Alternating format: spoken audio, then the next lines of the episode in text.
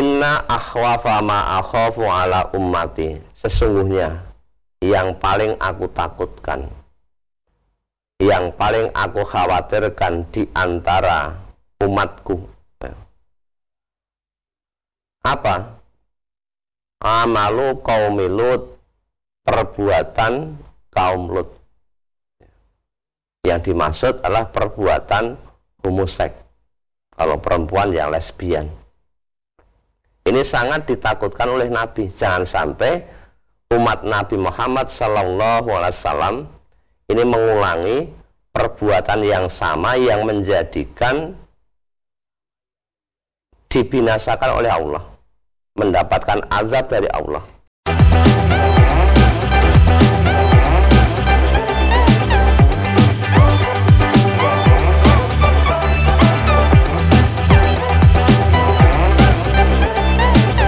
Bismillahirrahmanirrahim. Assalamualaikum warahmatullahi wabarakatuh. Saudara pemirsa channel terpilih MTA TV di mana pun Anda berada.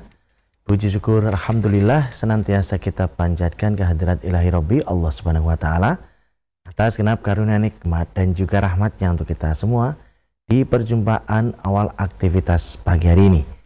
Kita jumpa kembali di program unggulan Fajar Hidayah Dan Alhamdulillah sudah hadir Ustadz Muhammad Ghazali SPDI yang nanti akan melanjutkan pelajaran sekaligus memberikan pencerahan untuk kita kesempatan kali ini. Assalamualaikum warahmatullahi wabarakatuh. Ustaz. Waalaikumsalam warahmatullahi wabarakatuh. Kabar baik dan sehat pagi. Alhamdulillah. Baik, Alhamdulillah. Baik. Dan pemirsa nanti bisa bergabung bersama kami di line telepon 02716793000, SMS dan juga di WA kami di 08 11 Mari kita simak pelajaran kita pagi ini. Bismillahirrahmanirrahim. Assalamualaikum warahmatullahi wabarakatuh. Innal hamdalillah nahmaduhu wa nasta'inuhu wa nastaghfiruh wa na'udzu billahi min syururi anfusina wa min sayyiati a'malina may yahdihillahu fala mudhillalah wa may yudlil fala hadiyalah Asyhadu an la ilaha illallah wahdahu la syarikalah wa asyhadu anna Muhammadan abduhu wa rasuluh. Allahumma salli wa sallim ala Muhammad wa ala alihi wa sahbihi ajma'in. Qala Allah Ta'ala fi kitabihil karim A'udzu billahi minasyaitonir rajim. Ya ayyuhalladzina amanu taqullaha haqqa tuqatih wa la tamutunna illa wa antum muslimun Alhamdulillah senantiasa kita selalu memanjatkan rasa syukur kita kepada Allah Subhanahu wa taala atas segala nikmat yang telah diberikan kepada kita. Pada kesempatan kali ini atau pagi hari ini kita masih diberikan waktu oleh Allah untuk bisa bernapas di dunia ini karena banyak dari saudara-saudara kita yang sampai pada pagi hari ini tidak diberikan kesempatan dalam arti sudah dipanggil oleh Allah untuk menghadap kepadanya. Tentunya kita orang yang masih diberikan kesempatan waktu yang ada ini kita gunakan dengan sebaik-baiknya. Jangan sampai kita termasuk bagian dari orang-orang yang rugi. Orang yang rugi itu sebagaimana yang ada di surat Al-Asr adalah orang-orang yang dalam hidupnya tidak beriman kepada Allah. Kemudian tidak melakukan amal-amal soleh. Tidak melakukan tawasau bil haq dan tawasau bis sabr. Tentunya kita tidak mau menjadi orang-orang yang merugi. Apalagi menjadi orang-orang yang sengsara hidupnya ketika besok di hari akhirat. Selanjutnya para pemirsa MTA TV dan juga para pendengar radio MTA atau radio yang dalam jaringan. Di dalam Al-Quran kita banyak melihat atau menemui sejarah orang-orang zaman dahulu. Di antaranya kaum-kaum yang dibinasakan. Kaum yang dibinasakan sudah pasti melakukan perbuatan yang menjadikan Allah murka. Dan sampai sekarang peninggalan-peninggalan itu masih bisa kita saksikan sampai sekarang ini sebagai ayat. Jangan sampai kita, orang-orang yang ada di belakang, setelah mereka, itu melakukan perbuatan yang sama, yang menjadikan Allah menyiksa atau mengazab mereka. Sebagai contoh misalnya, ada di belahan dunia, tepatnya di daerah Israel, Palestina, dan Yordania. Di sana ada suatu daerah yang letaknya itu di bawah. Maksudnya di bawah permukaan air laut kurang lebih sekitar 417 meter. Ini di bawah permukaan air laut. Dan ini merupakan daerah ini titik terendah yang ada di muka bumi. Di sana lautnya memiliki kandungan garam yang sangat tinggi. Sehingga tidak ada satu bentuk hewan pun yang mampu hidup di sana. Padahal di laut itu merupakan banyak sekali biota-biota laut.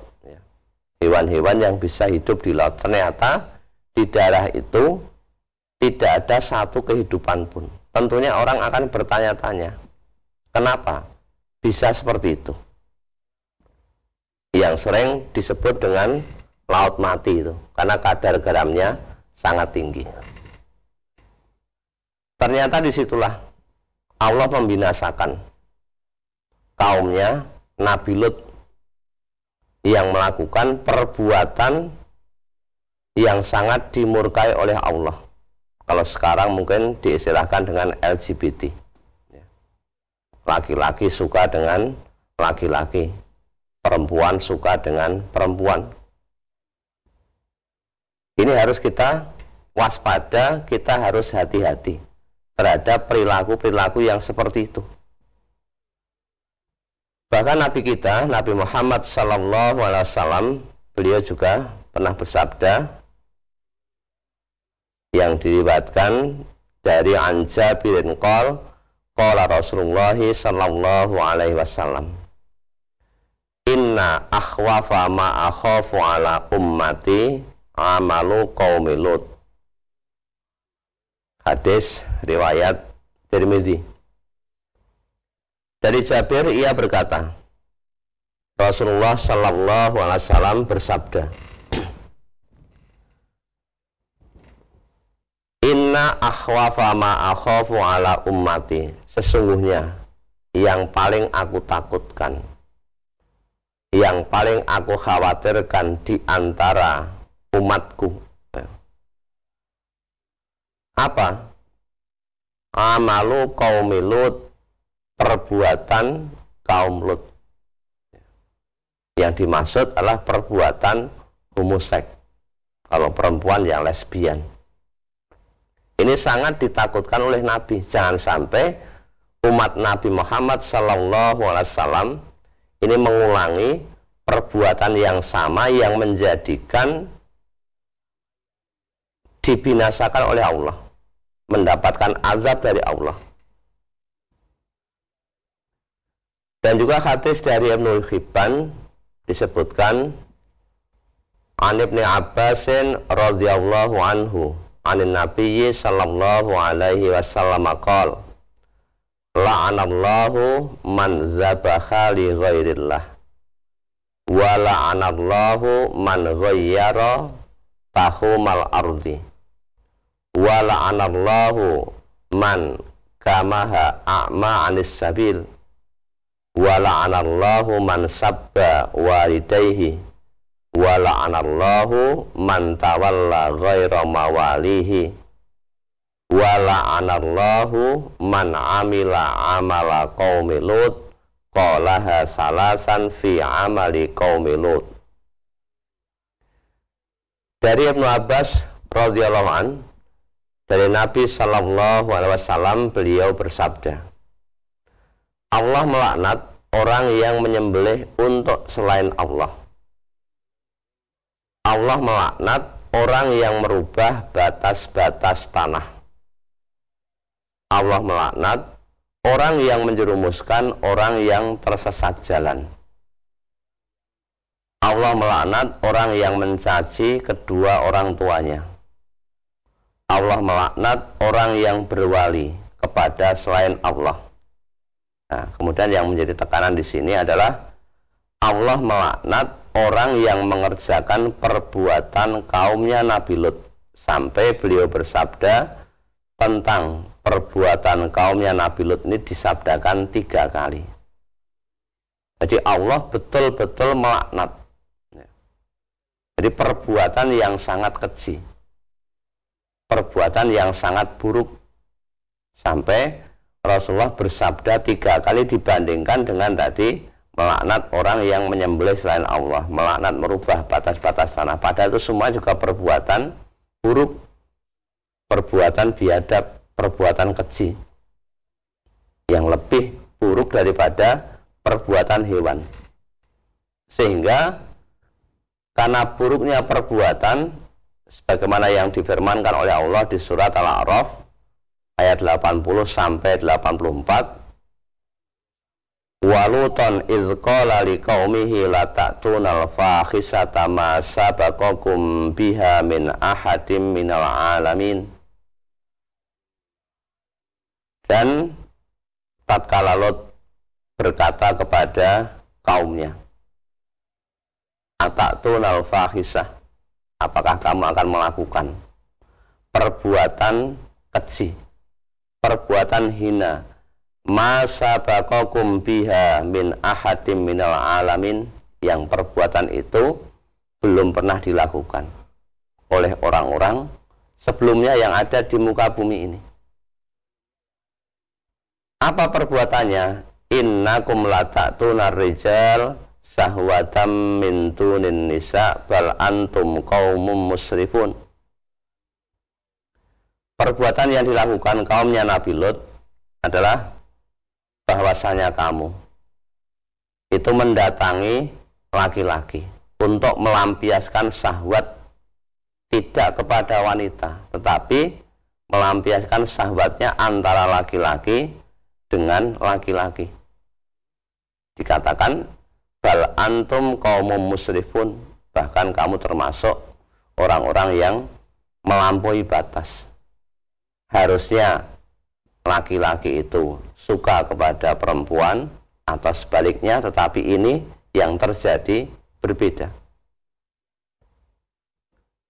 Nah bagaimana ketika Nabi Lut menyampaikan kepada kaumnya tadi jawabannya?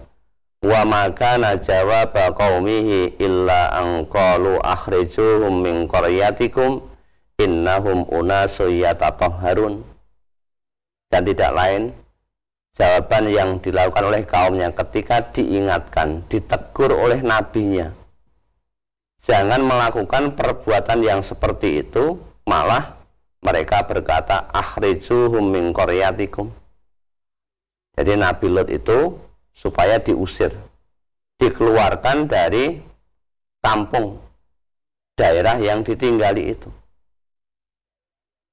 Bukannya menerima seruan Nabi, tapi malah mengusir, mengucilkan. Dan mereka berkata, innahum kau innahum harun. Sesungguhnya mereka, Lot dan pengikut-pengikutnya itu adalah orang-orang yang sok semuci, ya, merasa dirinya paling suci.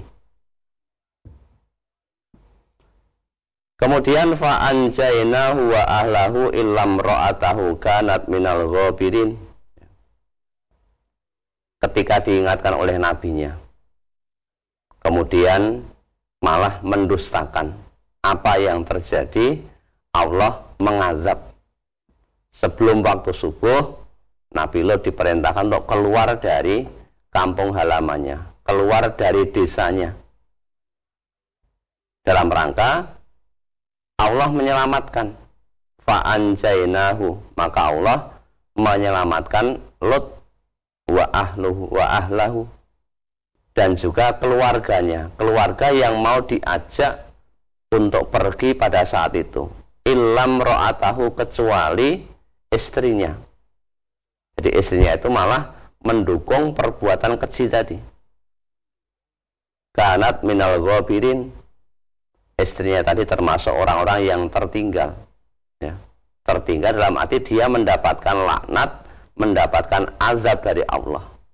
Kemudian azabnya datang wa amtorna alaihim matoro fangdur kaifa kana akibatul mujrimin. Maka kami hujani mereka dengan hujan batu. Fangdur kaifa kana akibatul mujrimin. Maka lihatlah bagaimana kesudahan bagaimana akibat orang-orang yang melakukan kriminal melakukan perbuatan dosa perbuatan keji. Ada yang mengatakan terjadi hujan meteor pada tempat itu. Sehingga semuanya bangunan luluh lantak. Semuanya mati, ya, mendapatkan seksa dari Allah. Dijadikannya aliyah safilah. Yang atas menjadi bawah. Ada yang mengartikan terjadi gempa bumi sehingga terperosok yang tadinya di atas ini menjadi di bawah. Dan sejarah itu bisa kita saksikan bisa kita lihat sekarang yang adalah di laut mati tadi yang kita sampaikan di atas ya.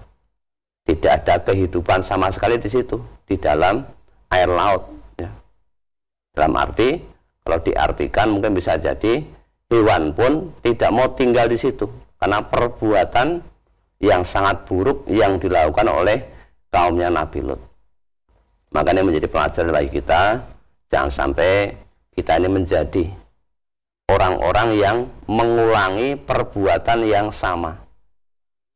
Perbuatan homoseks, perbuatan lesbi yang sekarang diartikan LGBT.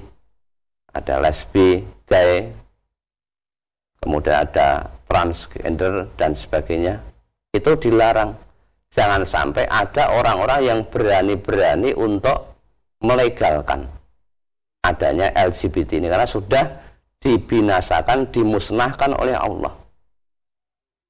Nah, maka orang-orang yang tidak mencegah perbuatan itu ketika azab Allah datang juga akan terkena akibatnya sebagaimana yang ada di negeri atau kaum Sodom, kaumnya Nabi Lut ini. Jadi orang-orang yang tidak mau diajak pergi tidak mau mengingatkan perbuatan itu semuanya terkena azab dan semuanya mati. Ini yang terjadi.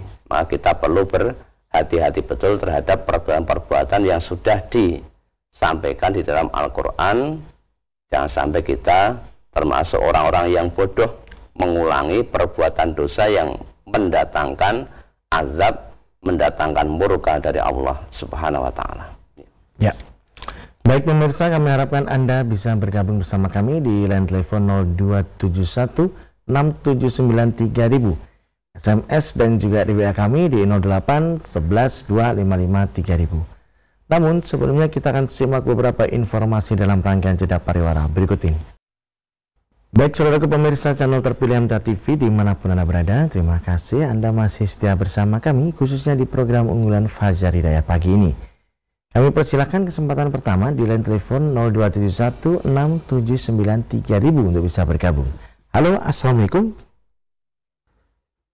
Halo, Assalamualaikum. Waalaikumsalam warahmatullahi wabarakatuh. Dengan siapa di mana Bapak?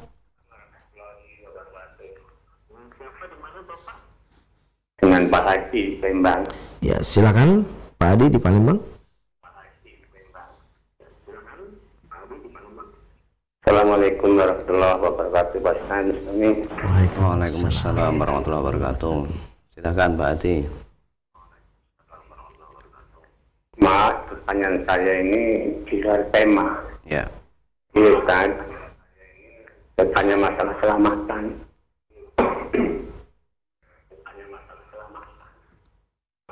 Ritual keselamatan itu mengapa dikatakan perbuatan syirik? Padahal di situ doanya kan pakai doa sapi jagat. kan pakai doa sapi jagat. Penjelasannya Ustaz. Terima kasih. Assalamualaikum warahmatullahi wabarakatuh. Waalaikumsalam warahmatullahi wabarakatuh. Jadi istilah-istilah selamatan berarti itu kan mencari selamat. Pengen mendapatkan selamat. Nah yang dicari itu sesuatu yang seolah-olah dengan melakukan perbuatan ritual tadi. Itu ada satu bentuk makhluk ya, makhluk gaib yang menunggu di suatu tempat ini agar tidak uh, mencelakakan manusia. Kemudian disesajeni, ya, diberikan sesajen. Ya memang kadang-kadang lapat-lapat yang diucapkan adalah lapat-lapat doa-doa yang berbahasa Arab. Tetapi ketika kita mencari perlindungan, mencari keselamatan, itu selain daripada Allah, berarti termasuk perbuatan musyrik perbuatan syirik yang harus dijauhi bersama. Karena syirik itu merupakan inna syirka ladul azim. Syirik itu merupakan bentuk kedoliman yang besar. Maka harus kita jauhi. Ketika kita sholat, kita juga sering berdoa. Habis zikir itu atau salam. Allahumma antas salam. Ya Allah, engkaulah penyelamat. Wa minkas salam. Dan dari mula keselamatan. Ya, kita minta selamat kepada Allah. Ya, sementara itu dulu. Ya. Baik, kita lanjutkan yang ada di WA Ustaz. Pertanyaan dari Ibu Unarni di Sumatera Selatan. Ustadz, saya diminta untuk among tamu di sebuah acara resepsi pernikahan tetangga. Tetapi saya tidak bisa bantu karena di situ ada hiburan kuda kepang yang syarat dengan sajen-sajen. Dan juga pemain laki-laki kadang berdandan seperti wanita. Tamunya pun campur antara laki-laki dan wanita. Saya takut terkena hadis riwayat Muslim juz 1 halaman 69 supaya mencegah kemungkaran. Apakah yang saya lakukan ini sudah benar Ustaz? Mohon tausiahnya. Ya insya Allah kalau di situ ada beberapa kemungkaran, ada perbuatan-perbuatan dosa, ya sudah betul yang dilakukan tadi. Karena ketika kita melihat kemungkaran man ro'a minkum munkaran falyughayyirhu biyadih. Ketika kita melihat kemungkaran, perbuatan pelanggaran agama supaya dirubah dengan tangannya. Fa'in lam yastate fabilisani. Kalau kita tidak mampu merubah dengan tangan, ya rubahlah dengan lisan. Diberikan tutur kata yang baik diingatkan. Ya. kalau itu kita tidak mampu fa'ilam yastatik fabiqolbi kalau tidak mampu merubah dengan lisan supaya merubah dengan hati. Wazalika adhaful iman merubah dengan hati itu ya merupakan selemah-lemah iman di iman kita lemah Maksudnya berubah dengan hati berarti kita tidak berada di tempat kemaksiatan tersebut. Kita pergi.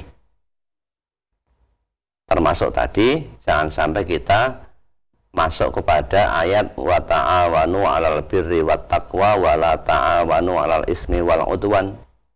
Kita diperintahkan tolong menolong dalam perbuatan baik, perbuatan takwa. Dan kita dilarang wala ta'awanu 'alal ismi wal udwan.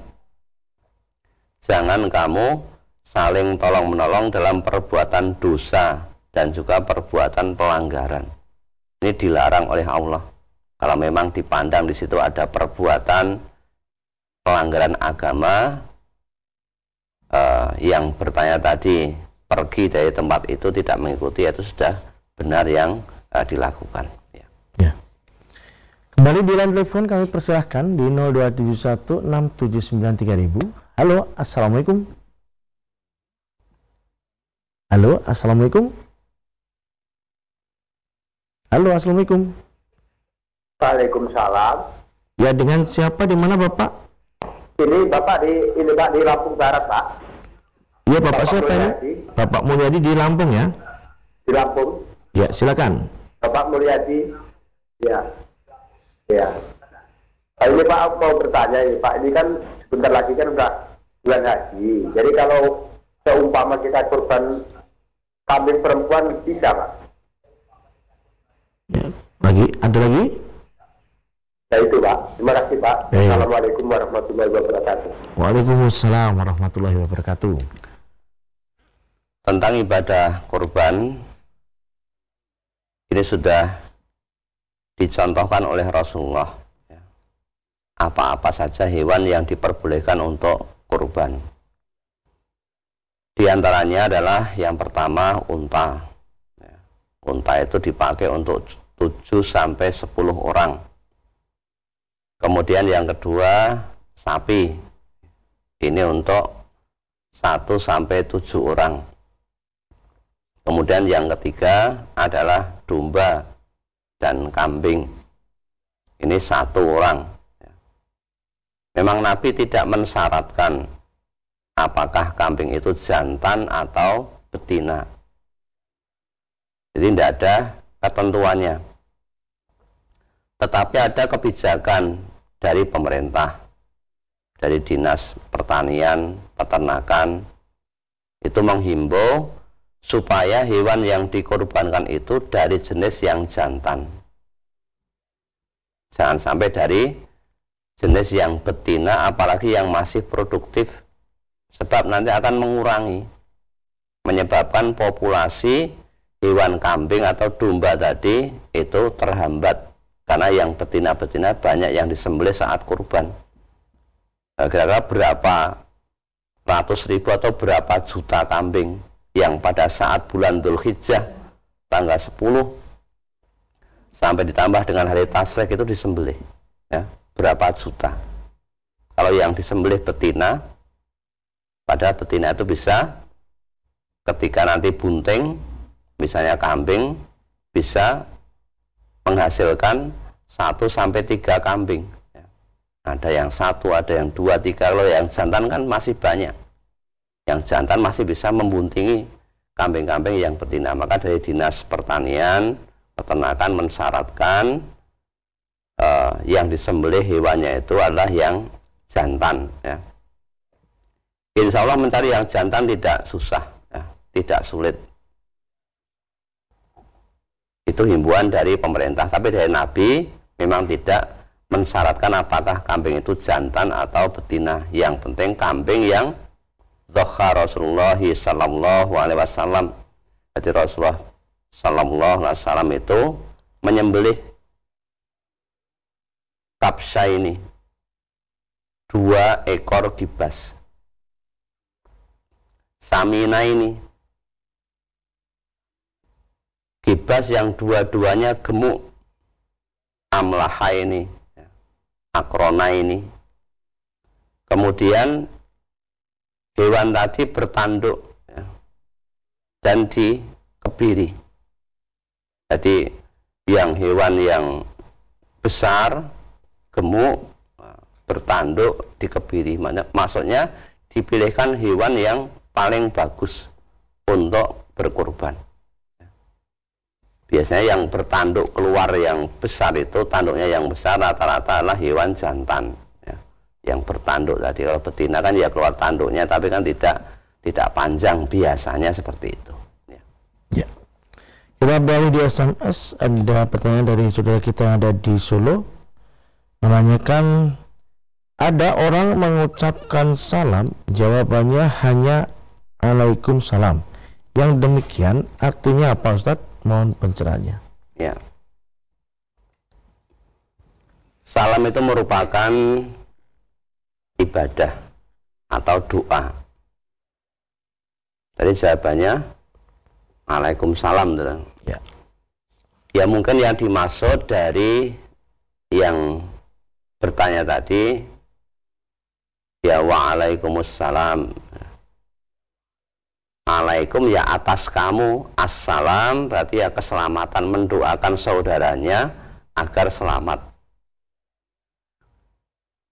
Tetapi Di dalam surat An-Nisa Ayat 86 Ini kita dituntunkan. Wa idza khuyyitum bi tahiyyatin fahayyu bi ahsana minha aw rudduha innallaha ala kulli syai'in hasibah. Apabila kamu diberikan penghormatan ya, dengan satu bentuk penghormatan dihormati dengan suatu penghormatan perintahnya apa? Fahayu bi ahsana minha aurudduha maka balaslah penghormatan itu dengan yang lebih baik atau yang serupa. Misalnya kita diberikan ucapan salam Assalamualaikum. Jawabannya adalah Waalaikumsalam itu juga boleh. Tapi yang lebih baik lagi Waalaikumsalam warahmatullah. Bahkan sampai wabarakatuh. Kalau yang memberi salam Assalamualaikum warahmatullah. Jangan kita menjawab Waalaikumsalam terus berhenti. Ya minimal sampai warahmatullah.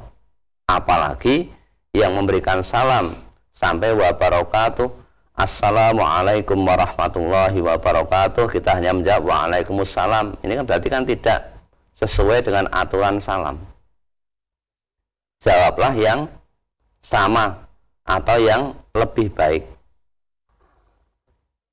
ini perlu kita pahami jadi ucapan salam ini adalah ucapan yang sakral sebelumnya. Ya. Maksudnya bagaimana? Ketika saya misalnya mengucapkan salam kepada Mas Tommy, Assalamualaikum. Itu berarti Mas Tommy itu sudah bebas dari gangguan saya. Saya tidak akan menyakiti, tidak akan uh, menjadikan berbuat zolim kepada Mas Tommy. Itu harus menjaga diri kalau saya sudah mengucapkan Assalamualaikum. Tidak hanya ucapan belaka, tapi perbuatannya berarti kamu bebas dari gangguan saya. Ya. Saya tidak boleh berbuat zolim. Karena ini merupakan sesama muslim. Kita tidak boleh memberi salam kepada orang-orang non-muslim. Ya. Karena salam ini doa, mudah-mudahan kamu selamat mudah-mudahan kamu mendapatkan rahmat, mendapatkan barokah. Itu kan doa. Jangan hanya lelamisan di mulut. Sudah mengucapkan salam tapi perbuatannya habis pisah merasani.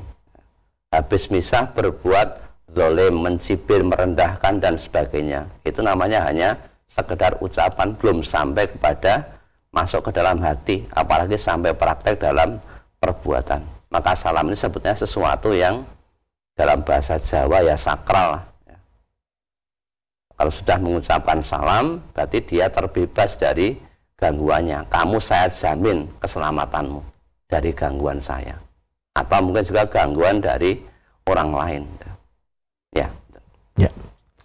Baik Ustadz, sekarang sudah di penghujung perjumpaan kali ini. Ada yang bisa disampaikan sebagai nasihat? Silakan Ustadz. Ya, kepada para pemirsa Mbak TV dan juga para pendengar Radio Persada FM dan juga yang dalam jaringan. Tema yang kita ambil pada kesempatan ini adalah